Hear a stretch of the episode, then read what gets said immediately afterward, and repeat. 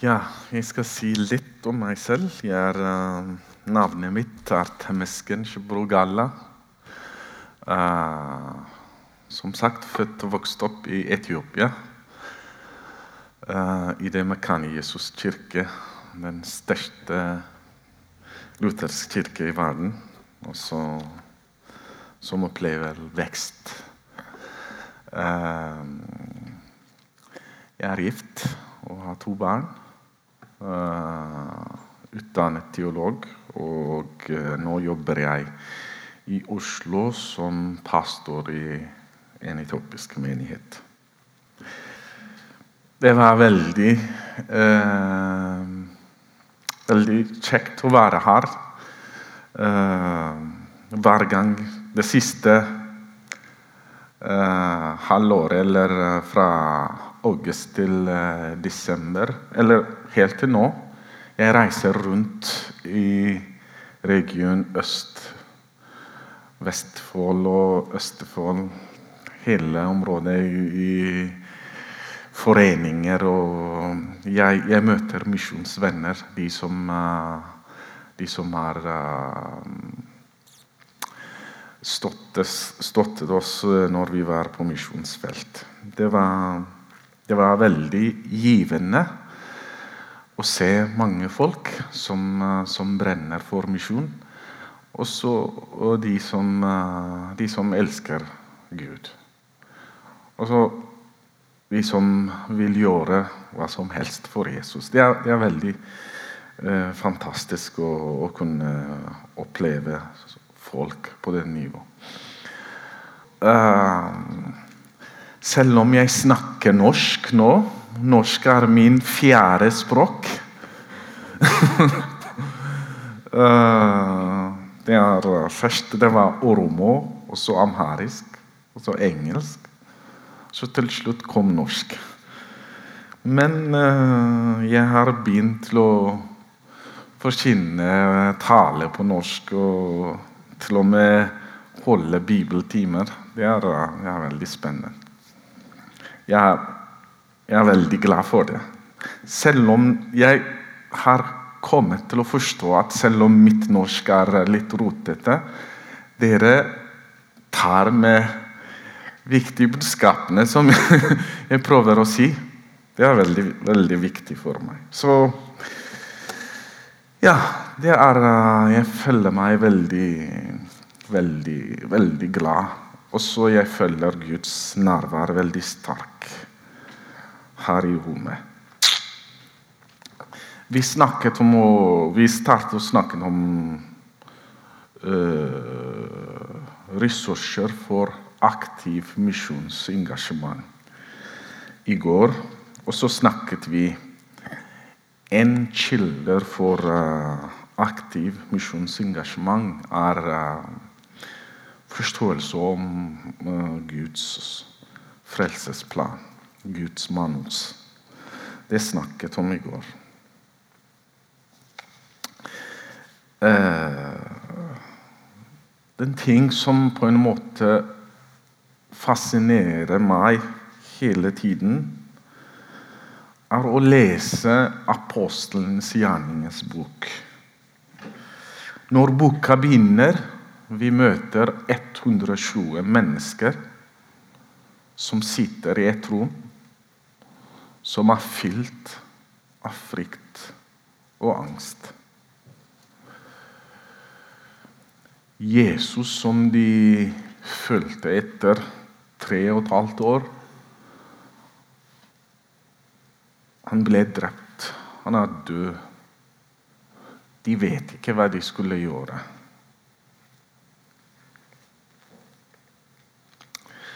Men når uh, boka slutter Det er et vers, det siste verset oppmuntrende for meg. Uh, Apostelens gjerninger 28, 31. Det står Paulus forkynner Guds rike og underviser Herren Jesus Kristus uhindret og med stor frimodighet. Kristen tro som startet i Galilea med bare få mennesker. Nå har det blitt den verdens uh, bevegelse som Paulus forkynner evangeliet rett i midt av romerske riket.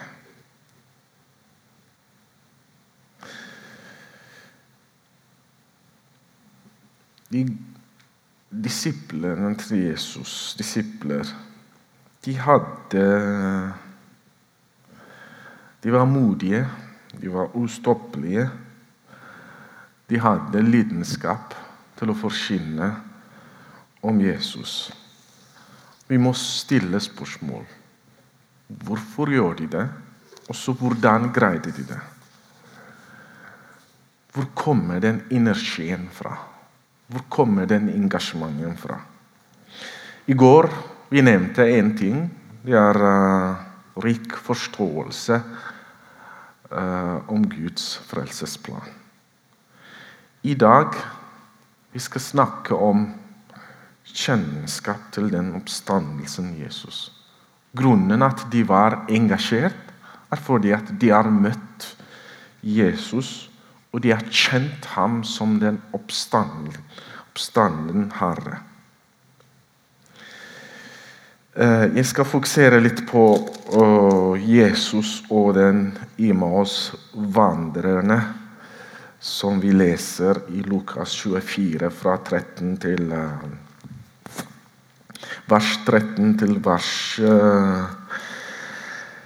35. Eh, men jeg skal ikke lese. Men jeg skal nevne ting som, som jeg ser. Jesus sørget at de som er på vei til Emos, skal forstå hvem han har. Dyp kjennskap til han. Slik at de skal være hans vitner eller misjonær. Men kjennskapen til Jesus er mulig pga. Guds nåde. Det skal være Guds gave. Når vi leser historien Jesus var sammen med de to som var på vei til Emmaus Selv om de snakket med Jesus kanskje hele ettermiddag, jeg vet ikke de, de gikk med Jesus veldig lang avstand. Men de kunne ikke kjenne hvem Jesus er. Vers 16 sier men øynene deres ble hindret å se, så de ikke kjente ham igjen. De var blinde til å øh, også kunne ikke se Jesus. Det er ikke bare øynene deres som har problem. Forstanden deres var også litt problematisk. Vers 25 og 26 sier Da sa han til dem, så uforstandige dere er, og så treige til å tro alt det profetene har sagt. De hadde uforstandige hjerner. Dere sier det var treige til å tro. De tar imot ikke.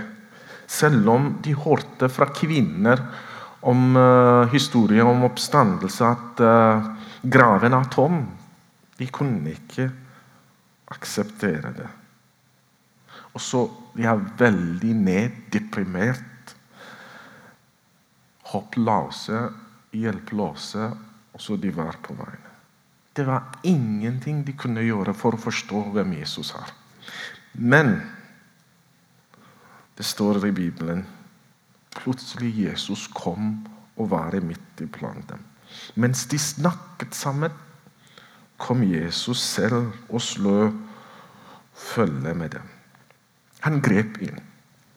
Det er ren kjærlighet, Guds gave. Og så Han kom inn, han åpnet skriftene for dem, og så han åpnet øynene deres, slik at de kunne kjenne ham.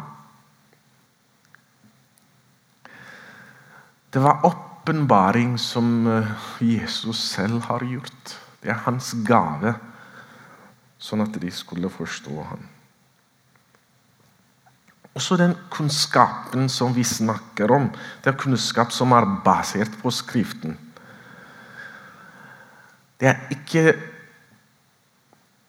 uh, Når Jesus prøver å forklare eller åpenbare han selv til dem Han minte ikke dem Husker dere ikke når eh, vi var sammen? Og så fiska eller den og den har skjedd? No, han sa ikke det. Han gikk til Skriftene. Og så sa han til dem, vers 26.: Måtte ikke Messias lide dette, og så gå inn til sin herlighet? Og han begynte å utlege for dem det som står om ham i alle skriftene. Helt fra Moses av og hos alle profetene. Han begynte til å forklare fra første, andre, tredje, fjerde og femte Mosebok. Skriftene, profetene, salmene. Så begynte å vise dem at alt snakker om han. Moseloven, profetene, salmene på en måte peker på en hovedperson. Den personen var Jesus. Jesus var i sentrum. Det er ikke mye ny informasjon eller fakta som han, han har kommet med. Alle som han har sagt, det står i Skriften. Men det er sannheten om Jesus' identitet er det som er tegnet i Bibelen. Messias skal lide. Han skal døde på korset, og så han skal stå opp fra døden. Han skal gå til sin herlighet. Og så den bibelske Jesus er han som kommer tilbake for å dømme levende og døde. Ekte kjennskap til Jesus er det som er basert på Skriften. Altså, Kjennskap til Jesus involverer personlig erfaring, som vi ser i teksten. Han kom til dem, han pratet sammen med dem, han gikk. Men på vers 30-32 Han tok brød og ba og brøt og ga til dem. Plutselig øynene deres ble åpent. Når det var veldig konkret, veldig personlig, fra veldig nær avstand. De opplevde Jesus som den oppstandens herre.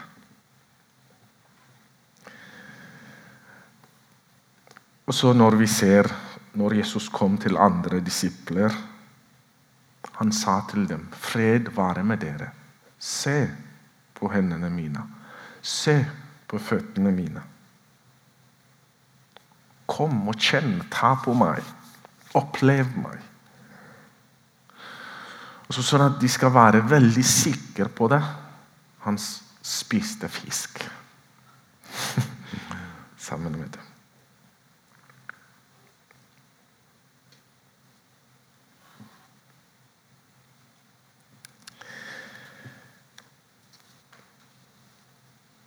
veldig konkret.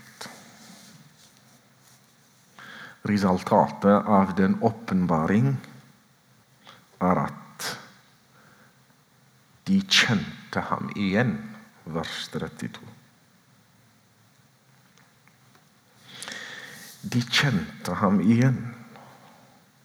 De kjente ham som Messias, som Herre, som kongen som stått opp fra dåden. Ekte lærer Ekte lærere kjenner hva jeg, jeg, si, jeg, skal si nå. Ekte kunnskap alltid skal være, omfatter både teori og praksis. Når ur og handling, det vi har hørt, og det vi opplever, går sammen, blir overbevisningen sterkere. Sånn type kunnskap er ikke tørr eller steril kunnskap. Sånn type kunnskap er forskjell fra Jesus som er skapt av religionen.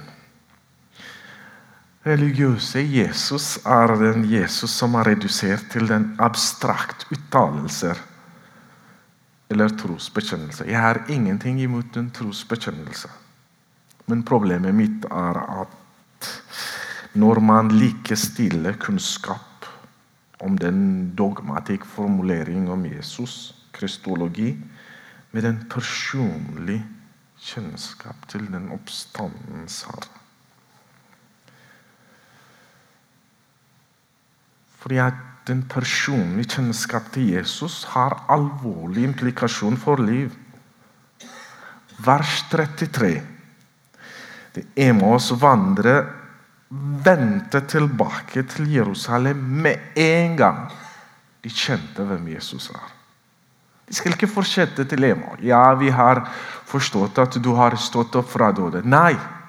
Med en gang de snur rundt, og så gikk tilbake til Jerusalem, hvor de skulle være.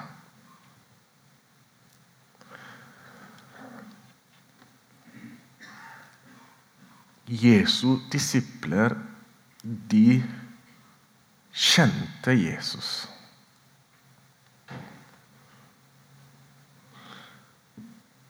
Den kjønnskap har manifestert seg i forskjellige kontekst. Men en som jeg har lyst til å nevne, er at når de skal forkynne De er veldig tydelige. Er veldig frimodige. De presenterte Jesus som en unik vei til frelse. Apostelens gjerningen 4.12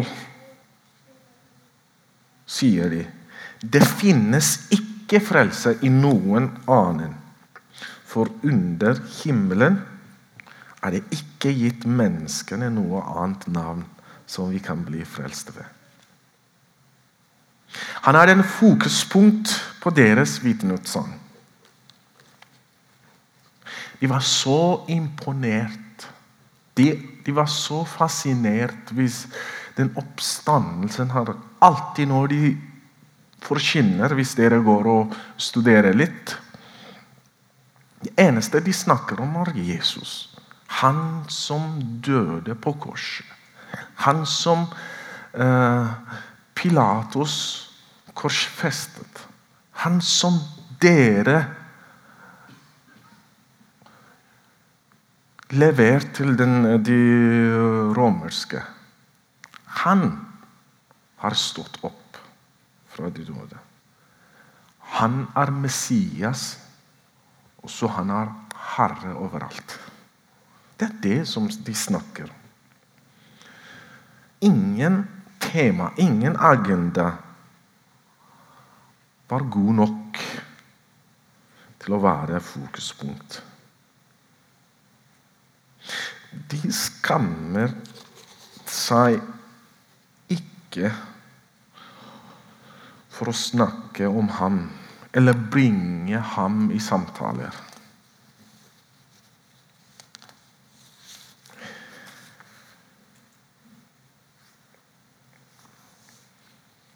Den underliggende årsaken til denne dristigheten er sterke overbevisninger om hvem Jesus er. Derfor kjennskap til Jesus, den oppstandens herre, er avgjørende for aktiv misjonsengasjement. Det er alltid viktig for Jesus hvor mye hans disipler vet om ham. I Matteus 16, alle husker den teksten, sa Jesus, 'Hvem sier folk at menneskesønnen er?' Hvem sier folk om meg. Noen sier dåperen Johannes, andre Elia, andre igjen Jeremia eller en annen av profetene. Hvem sier dere at jeg er? The moment of reality. Hvem sier dere at jeg er? Hvor er mitt bilde i livet ditt?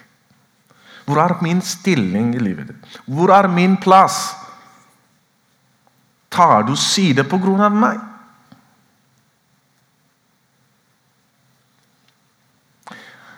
Her er det ikke teoretisk kunnskap det han snakker om. Han snakker om den rik, personlig kjennskap. Det finnes ikke nøytral kunnskap om oppstandenes Jesus. Du kan ikke analysere sannheten om, om Jesus fra trygg avstand. Det går ikke an. Heller ikke rom for den uforpliktende mening om Jesus. Det er sånn for disiplene. Enten de skal uh, leve for han og døde for han, eller ikke. Det er ikke mellom uh, vei. Møte oppstandens Jesus og kjenne Han som Herre over alle betyr et nytt kall til å fornye vår forpliktelse til ham i dag òg. Det er et kall til å tilbe ham alene. Vi skal relatere til han som en konge og herre, seirende konge, han som stått opp fra de døde. Som jeg har sagt, fristelsen i dag er å, å avbilde Jesus etter sitt eget ønske. Det er mange som har uh, bilde av Jesus. Jesus som er skapt av religionen. Uh, Jesus som kan lett bli domestisert. Sier man det på norsk? Domesticated. Domestiserte Jesus er den som uh, man kan enkelt kontrollere, styre eller manipulere. Han er Jesus som må svare på min bønn. Han skal gjøre ditt og datt for meg. Han er min tjener som skal sørge for at jeg får alle mitt ønske. Det er stor fristelse i dag i, i Afrika, hjemmelandet mitt. At Jesus skulle komme og så gjøre sånn og sånn til meg.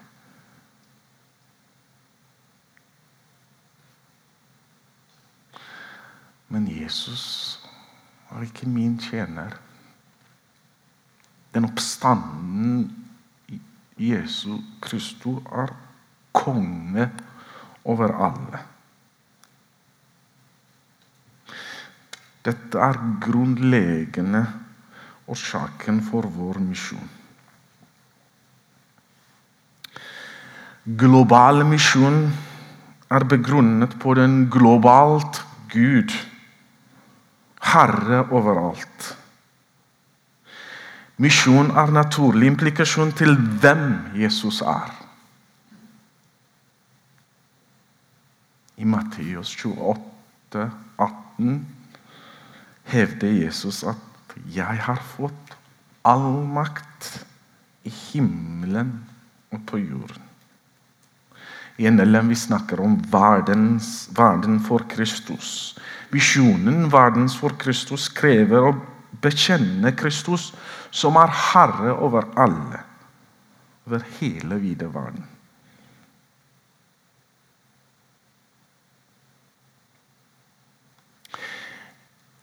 Den oppstandelsen, Herre, å bli kjent og se Han også kan være en motivasjon, motivasjon fordi at Jesu kongerskap og herredom er målet for misjon. Målet er å se hans kongedomme her over alle. Jesus sa, 'Jeg har fått all makt i himmelen og på jorden'. Det er faktum nå, selv om ikke alle bekjenner det i dag. Men Paulus også sier i Filipperne brevet kapittel 2 vers 10 og 11 I Jesu navn skal derfor hvert kne bøye seg. I himmelen, på jorden og under jorden. Og hver tunge skal bekjenne at Jesus Kristus er Herre, til Gud Faders ære. I dag har han fått all makt i himmelen og på jorden. I morgen hvert kne skal beie seg i himmelen og på jorden. Hvordan skal vi gå fra i dag til i morgen? I dag allmakt. Han er herre overalt. Men ikke alle bøyer seg knesitt med vilje i dag. Men i morgen vi har den mål, den oppstanden Herre. Han skal være herre overalt. Han skal være konge over alle. Men broa fra i dag til i morgen er misjon. Ja, fra den perspektiv, når vi ser en oppstand, den Jesus som herre overalt Når vi tenker at dåden er vunnet Han er konge overalt. Når vi ser han Da har vi alle grunn til å være frimodige, til å håpe at misjonen kommer til å lykkes. Derfor møte den seirende kongen, eller å bli kjent med oppstanden Jesus, er en viktig kilde for en aktiv misjonengasjement.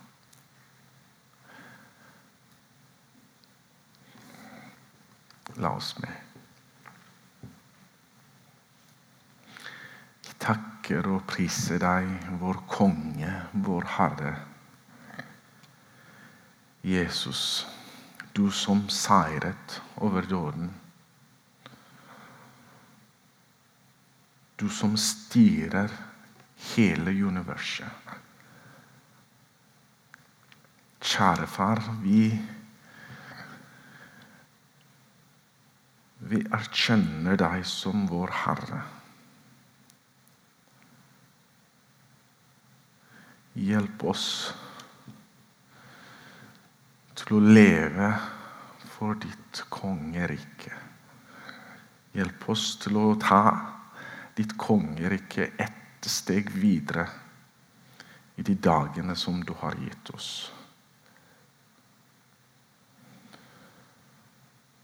Hjelp oss til å se deg. Og kjenne deg igjen.